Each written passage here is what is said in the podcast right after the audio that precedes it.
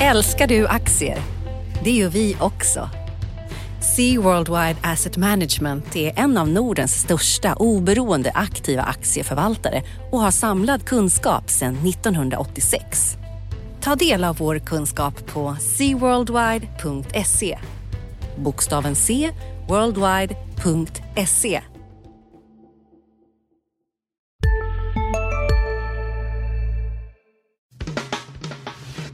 Analyspodden från Dagens Industri. Hej och välkomna till veckans avsnitt av Analyspodden från Dagens Industri med mig Felicia Åkman och min kollega Agneta Jönsson. Hej, välkommen! Eh, hej hej! Vi eh, ska prata väldigt mycket makro den här veckan för det har varit enormt mycket makro. Men vi kanske ska börja med att prata om H&M som kommer försäljningssiffror nu på morgonen. Precis, det kan man väl säga är den största bolagsnyheten som alla väntat på denna veckan. Och analytikerna hade väntat sig dålig försäljning egentligen, att det skulle öka en halv procent. Och tittar man i lokala valutor då så var försäljningen oförändrad. Så det är ju inte så kul. Eh, och eh, jämför du då med att de dessutom har ökat en massa butiker. De har ökat drygt 300 butiker sedan förra året vid den här tiden så minskar ju egentligen försäljningen. Så att det är ju ingenting i det här som tyder på att H&M's problem är lösta på något sätt. Sen har det varit ganska spännande nu ett tag. Dels har ju Stefan Persson, huvudägare, köpt en massa aktier i H&M. Efter senaste rapporten han har köpt eh, typ 54 miljoner aktier som motsvarar 5 procent utav bolaget under den här tiden. Sen har han också sålt aktier i Hexagon för 2 miljarder nu nyligen. Och det satte lite fart på de här gamla ryktena om att eh, kanske familjen Persson ska köpa ut bolaget från börsen. Och då så handlades aktien upp eh, nästan 10 procent på det där.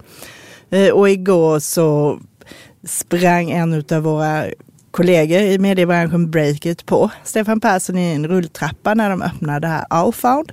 Och eh, då skrattade han väl åt det här och sa att det är sånt de har snackat om sen H&M kom på börsen och då blev marknaden lite besviken och aktien åkte ner. Och eh, det är väldigt mycket prat om de här grejerna och det är ju en väldigt volatil aktie nu. Eh, idag tappade den 3% på de här grejerna. Men det här kommer säkert att fortsätta de här diskussionerna. Bolaget kommer med rapporter den 28 juni som förväntningarna är inte särskilt högt ställda. Man vet att den är dålig. Men däremot så kan ju mycket väl Stefan Persson fortsätta köpa aktier efter det. Så att det finns där lite som ett stöd för bolaget. Men fortsättning följer denna fråga och vi kommer att fortsätta bevaka H&M och alla andra också. Så det är jättespännande att se vad som händer där nu framöver. Mm, tror du att diskussionerna om huruvida han vill köpa ut bolaget dör nu med den här tre citat långa liksom... Eh... Ja, jag är väl lite tveksam. Ja. menar, caset finns där men samtidigt är det mycket pengar som ska fram. De äger då ja, 45 procent av kapitalet, 73 procent av rösterna. Men det är ju B-aktier som behöver köpas in för 129 miljarder och sen ska du en budpremie på det här. Och när mm. en storägare skulle köpa ut så måste det till en saftig budpremie också för att alla institutioner och så ska acceptera det här så att det är mycket pengar som ska upp. Ett spår har väl varit att de kanske kan få med sig någon riskkapitalist på det här eh, så småningom. Men det har varit lite svårt. Det har inte varit speciellt många affärer från riskkapitalets sida vad det gäller retail. Så att ja, frågan är öppen och spekulationerna lär väl fortsätta. Så eh, kursreaktionerna på spekulationerna lär kanske också fortsätta då? De lär också ja. fortsätta, ja. Härlig resa för H&M.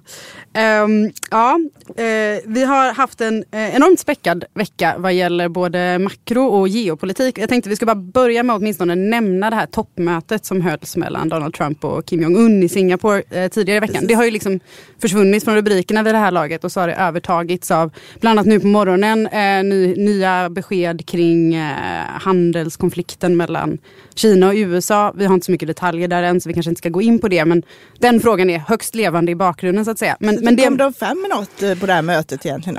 Ja, alltså så här, min, min tolkning av liksom hela reaktionen på det här är att det spelar kanske inte så himla stor roll om, de kom, om, om det gjordes några liksom säkerhetspolitiska framsteg. För marknadens del i alla fall så spelar inte det så himla stor roll. Så länge man fick de här två herrarna i samma rum och så länge man nu har liksom satt in dem på en agenda där det ligger i bådas intresse att spela ner konflikten och visa på framsteg, även om det inte faktiskt görs några framsteg, så tar man liksom bort den här risken lite från marknadens perspektiv. Och då Kanske man inte behöver fokusera på det faktum att Nordkorea har tidigare lovat att de ska eh, rusta ner och sen liksom renegat på det och backat från det och fortsatt skjuta missiler mot Japan. Man behöver inte tänka på de sakerna så himla mycket för just nu så är den risken borta och då finns det annat att fokusera Precis. på. Och då så försvinner det även från börsens sida ja. ner i listan över potentiella hot. Exakt, så nu kan man fokusera på de här handelskonflikterna istället och, och eh, kanske även fokusera lite på Kina som vi kanske inte ska prata om så jättemycket idag för det är fortfarande väldigt lösa indikationer som kommer därifrån. Men det kan väl finnas anledning att fundera på eh, inbromsning i Kina igen. För de har faktiskt man har ju pratat om att Kina ska liksom minska sin eh, skuldsättning i, jag vet inte så länge jag kan minnas ungefär. Precis, så det, det ligger väl i deras plan också nu? Ja, exakt. Men nu för första gången börjar man faktiskt se det i siffrorna att det kommer ner. Det kommer ju påverka tillväxten. Hur mycket vet vi inte riktigt. Men det där är en, en faktor som jag tror man ska hålla koll på lite under sommaren och framförallt till hösten mm. kanske. Att, att, det är den typen av liksom risker som kommer nu och nu kan vi lägga Nordkorea på hyllan ett litet tag. Ja, då tittar Så, vi på Kina framöver. Exakt. Men innan vi tittar på Kina ska vi prata om alla dessa centralbanker. Vi har fått eh, besked från Fed, vi har fått besked från ECB och vi har fått besked från Eh, Bank of Japan nu i veckan. Jag tänkte vi kan väl börja med Fed eftersom de var först ut. Eh, och där var det ju väldigt mycket som väntat. Det blev en eh, räntehöjning på 25 punkter till intervallet 1,75 till 2. Det var också 100% väntat. Vi fick lite ändrade formuleringar kring penningpolitiken. De tog bort sin tidigare forward guidance om att räntorna ska förbli liksom under sin, eh, sin neutrala eller långsiktiga nivå under en längre tid. Och det är kanske inte så konstigt för nu har man ju höjt räntorna liksom i flera omgångar. Så det är ganska rimligt att, att ändra formuleringarna där. Eh, Dotplotten indikerar nu fyra eh, räntehöjningar i år, snarare än tre som tidigare man, man, ska kanske ta det med en liten nypa salt. För vad som hände egentligen om man tittar på den där dotplotten är att vi har en direktionsmedlem som har eh, ändrat sig från tidigare. Så det krävs egentligen bara att en direktionsmedlem helt plötsligt blir mer negativ till ytterligare en räntehöjning och så är vi tillbaka på tre. Så det är inte liksom 100% jätteövertygande men, men i nuläget så ser vi ut att få fyra. Eh, och det var väl det var väl däremellan det stod, ska det bli ja, tre eller fyra i år? och det eller? kändes väl ändå som att de flesta nog tänkte att det ska nog bli fyra. Så det var inte heller liksom värsta skrällen Nej. direkt att det blev det. Eh, det som däremot var en liten skräll och som jag tycker är värt att hålla koll på är att eh, Fed-chefen Jerome Powell meddelade att de kommer hålla presskonferenser i samband med alla räntebesked från och med januari. Och det gör helt plötsligt att alla räntebesked blir vad man kallar liksom live. Alltså att det kan komma förändringar varje gång egentligen. För de håller ju sig till de här där de håller sina presskonferenser ja. för man vill kunna förklara sig Precis. efteråt. Så det kan bli mer spänning nästa år helt enkelt eh, kring Fed. Sen fick vi ECB och det är väl egentligen kanske veckans roligaste centralbank. Jag tycker att Mario Draghi förtjänar ett litet pris för, för sin bedrift här. De lyckas då eh, ge ett slutdatum på obligationsköpen, vilket att det skulle komma ett sånt någon gång snart, det var inte heller oväntat. Nej. Det har de bäddat för. Att det skulle komma redan nu på torsdagen var väl kanske lite mer oväntat. Mm. De flesta nog tänkte sig att det skulle dröja till juli. Euron faller ändå för att han lyckas snacka ner de här åtstramningarna. Dels under sin efterföljande presskonferens, låter ganska duvaktig. Och också genom att de skjuter på nästa räntehöjning. Marknaden har väntat sig att den skulle komma under sommar nästa år.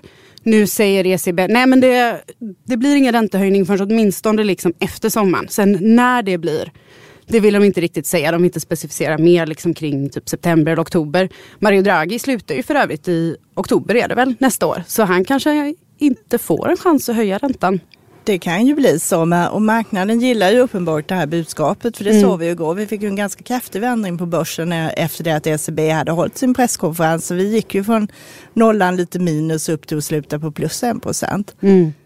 Så att det, det, får man väl säga var goda besked och som du säger en eloge till honom i sättet att kommunicera med marknaden och även i tydligheten där. Det är sådana grejer som vi behöver. Ja, alltså man, kan ju ha, man kan definitivt ha olika åsikter om den faktiska penningpolitiken men man kan ju inte förneka att han är en jävla skicklig spelare. Ursäkta att jag svor där, jag gör gärna lätt det utan att, att tänka mig för. Men eh, han är väldigt skicklig på att kommunicera. Eh, och han är väl kanske, det ska nästan bli lite tråkigt när han slutar tycker jag. För han är så, han är så intressant och han gör ECB eh, till väldigt spännande centralbank att följa. Även, även om man kanske inte alltid delar deras uppfattningar. Det som ska nämnas också är då att allt det här kring, kring stödköpen och så vidare. Det är ju liksom kommer med brasklappen att Eh, ECBs inflationsprognos ska hålla. Nu skrev de upp den för 2018 från eh, 1,4 till 1,7 procent för både 2018 och 2019 faktiskt.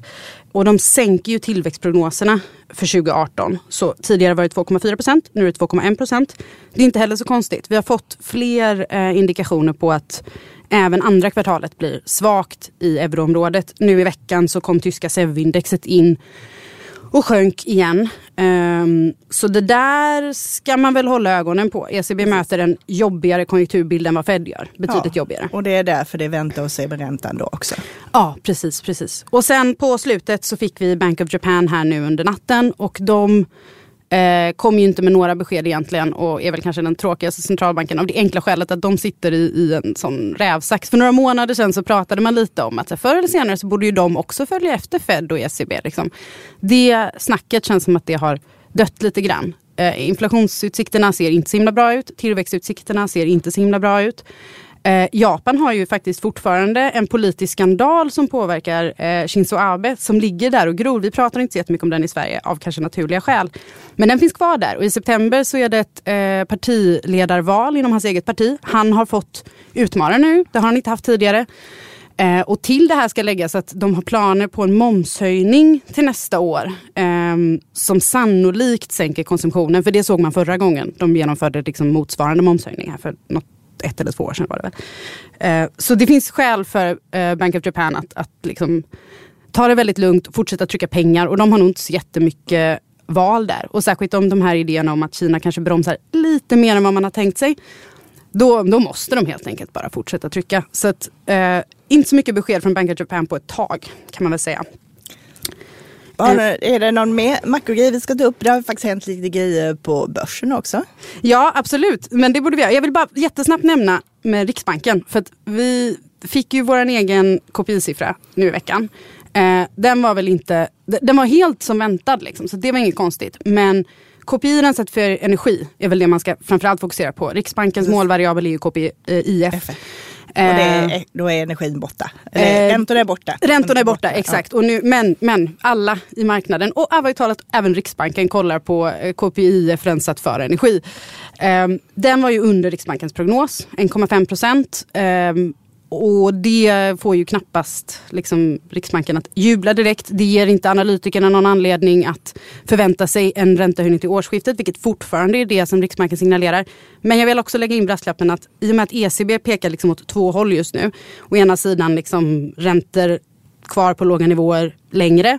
Å andra sidan åtstramningar i form av stödköp som ska trappas ner så är det kanske, det, det, det, har kommit in en större osäkerhet kring eh, Riksbankens eh, räntebana på kort sikt i alla fall. Så det kan, bli, det kan vara värt att hålla lite koll på. På ett sätt som jag nog inte skulle ha sagt att det var värt tidigare i veckan mm. i alla fall. Så det ska vi bara slänga in där. Men börsen, vad Börsen, det har vi förutom det, precis, det har hänt lite. Det var dramatik i veckan när vår kollega Johan Wendel skrev om Starbreeze mm. häromdagen. Det var precis då när de skulle visa upp en liten trailer på den här spelmässan E3 Eh, Eh, de har ett nytt eh, spel som heter Overkill the Walking Dead eh, som kommer att lanseras 6 november. Och eh, aktien har gått upp jättemycket innan det här och det var väldigt spänt, spända förväntningar inför det här eventet. Och det gjorde att de gick ner 34 procent i tisdags. Men trots det så är den ändå upp 10 i år och sen kom köparna tillbaka. Men det är en väldigt volatil aktie och man ser hur känsliga de här bolagen är eh, mm. för grejer. Så det kommer säkert fortsätta spekuleras i Starbreeze. Så där fick vi se lite dramatik. Mm, verkligen. Sen hade vi ju dramatik på bolagsnivå lite också. Eh, Collector Bank, eh, där för ett par veckor sedan så meddelades det då att eh, den nya vdn Lisa Nyberg som började i september slutar redan nu och eh, styrelseordförande Lena Apler går in sista dagarna nu på vårens stora season sale. Passa på att göra sommarfint hemma, både inne och ute. Och fynda till fantastiska priser. Måndagen den 6 maj avslutar vi med Kvällsöppet i 21. Välkommen till Mio. Har du också valt att bli egen? Då är det viktigt att skaffa en bra företagsförsäkring. Hos oss är alla småföretag stora och inga frågor för små. Swedeas företagsförsäkring är anpassad för mindre företag och täcker även sånt som din hemförsäkring inte täcker. Gå in på swedea.se företag och jämför själv. Som TF VD. Sen i veckan nu så meddelade även finanschefen Maria Lycken Ljungdahl att hon också slutar. Hon slutar då utav eh, privata skäl. Hon började också första september. Så då undrar man lite liksom vad som händer Ja, vad är i det som händer i Collector egentligen? Varför? Precis, och det, det som man pratar lite om, dels är det ju den här situationen med en stark styrelseordförande Lena Aple, som grundade bolaget och eh, har varit vd. Hon var med det fram till bolaget precis innan det sattes på börsen 2014.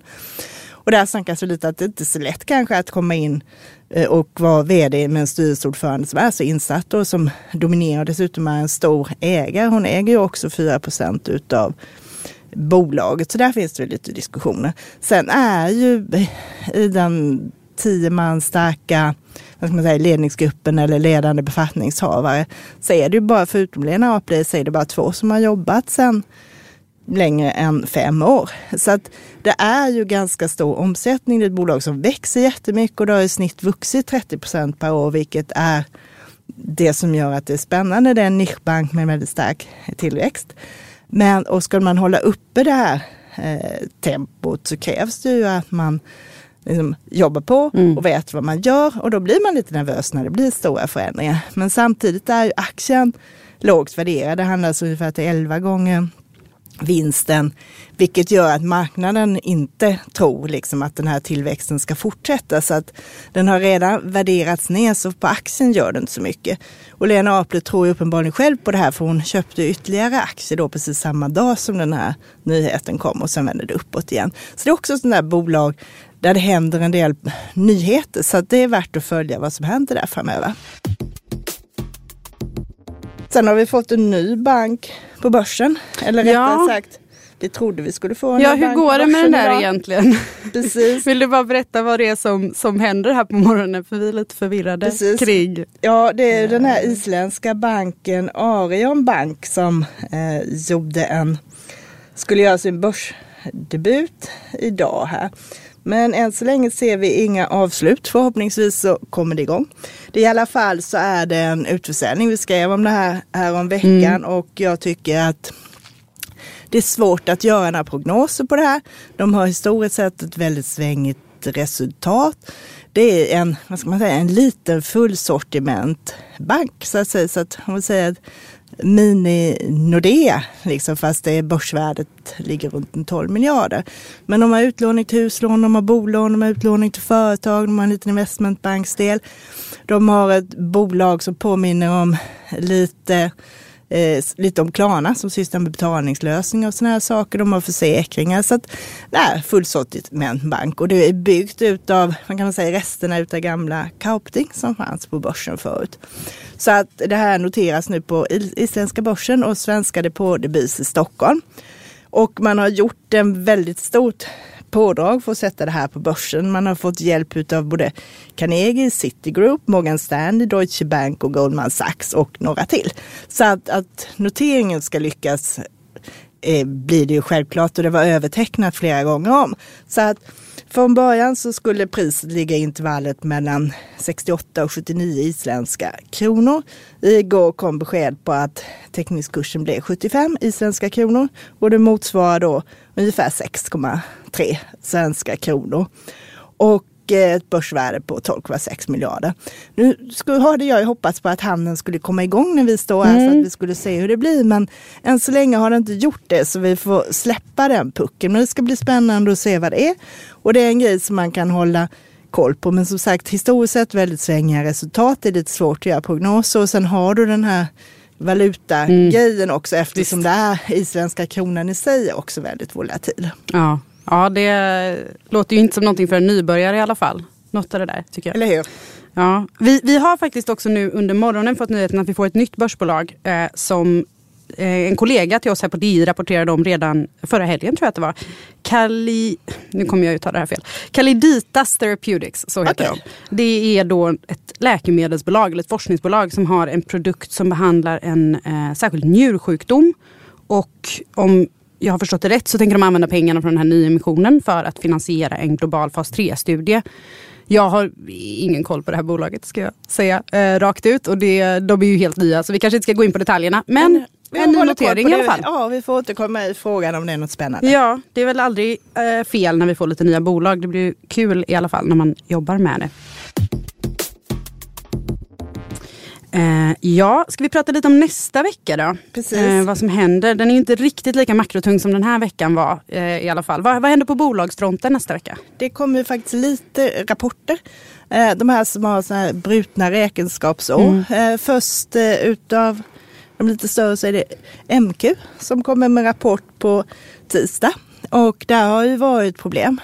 Deras förra kvartal var ju riktigt, riktigt dåligt. Omsättningen minskade med 10 procent jämfört med samma föregående period här.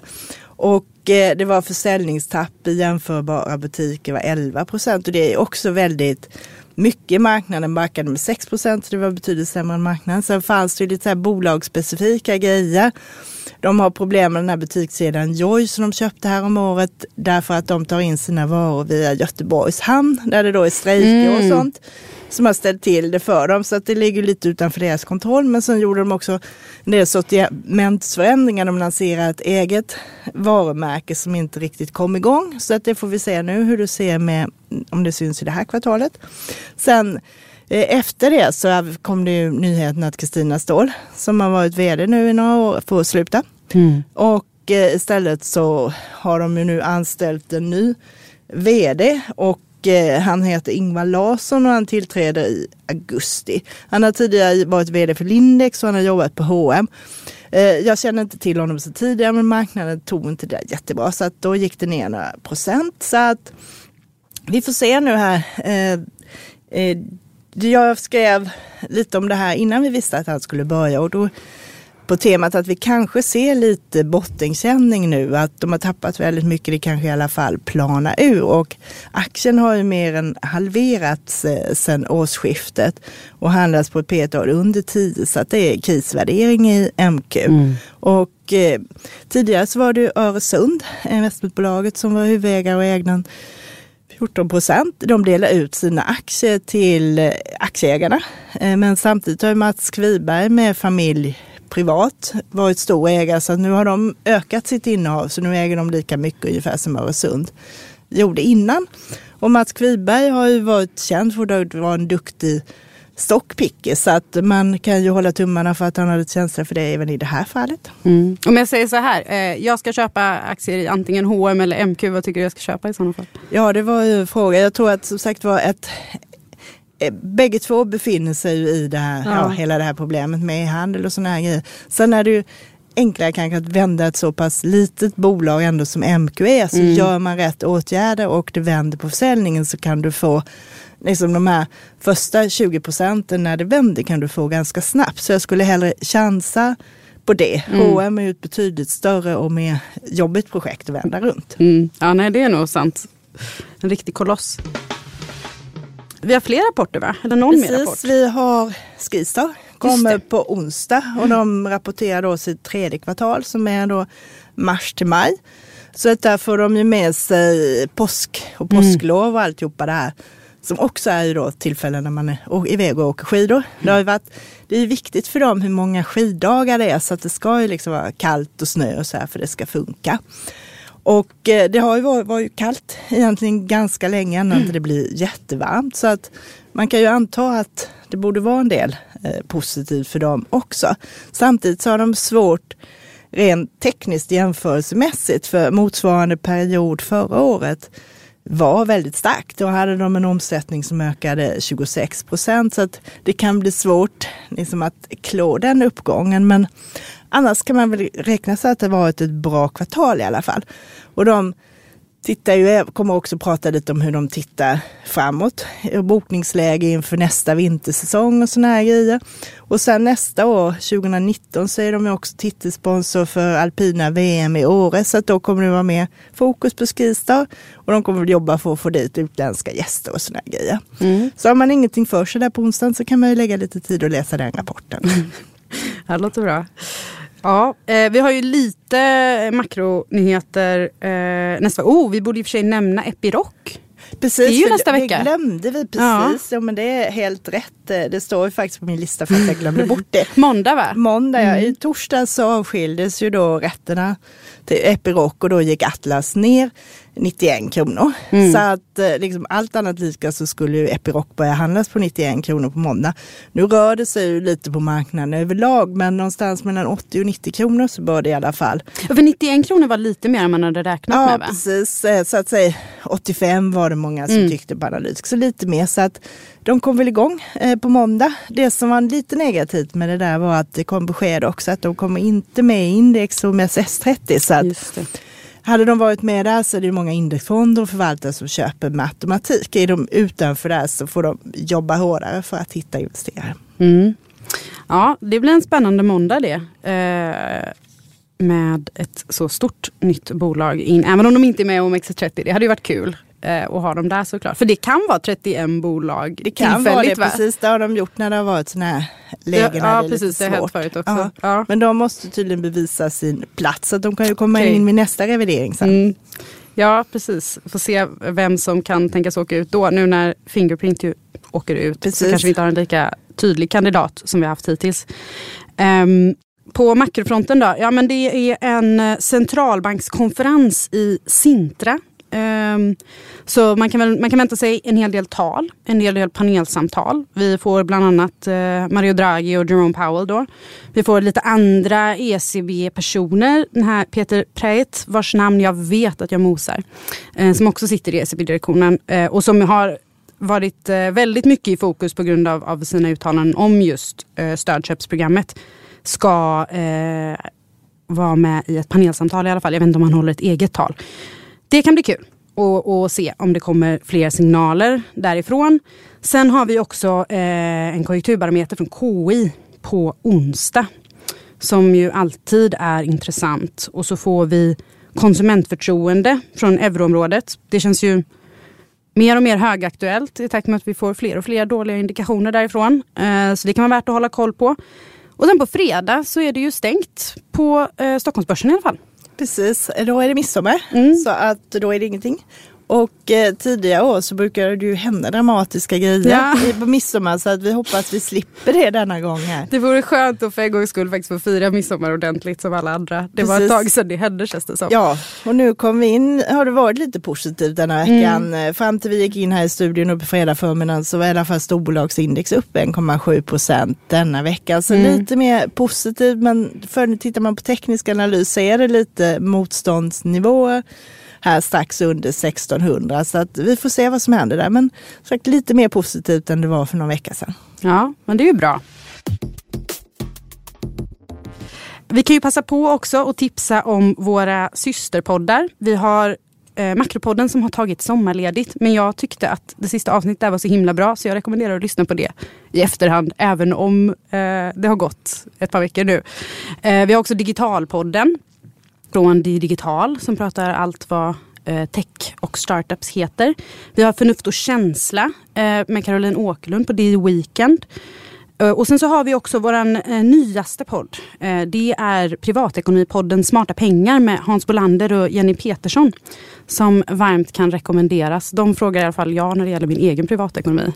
Så eh, de borde man lyssna på, definitivt. Precis, så att det finns lite att sysselsätta sig med även denna helgen. Ja, ja men fint, då avrundar vi där. Tack så mm. mycket. Mm. Tack så mycket, hej då. Analyspodden från Dagens Industri. Podden redigerades av Umami Produktion. Ansvarig utgivare Lotta Edling.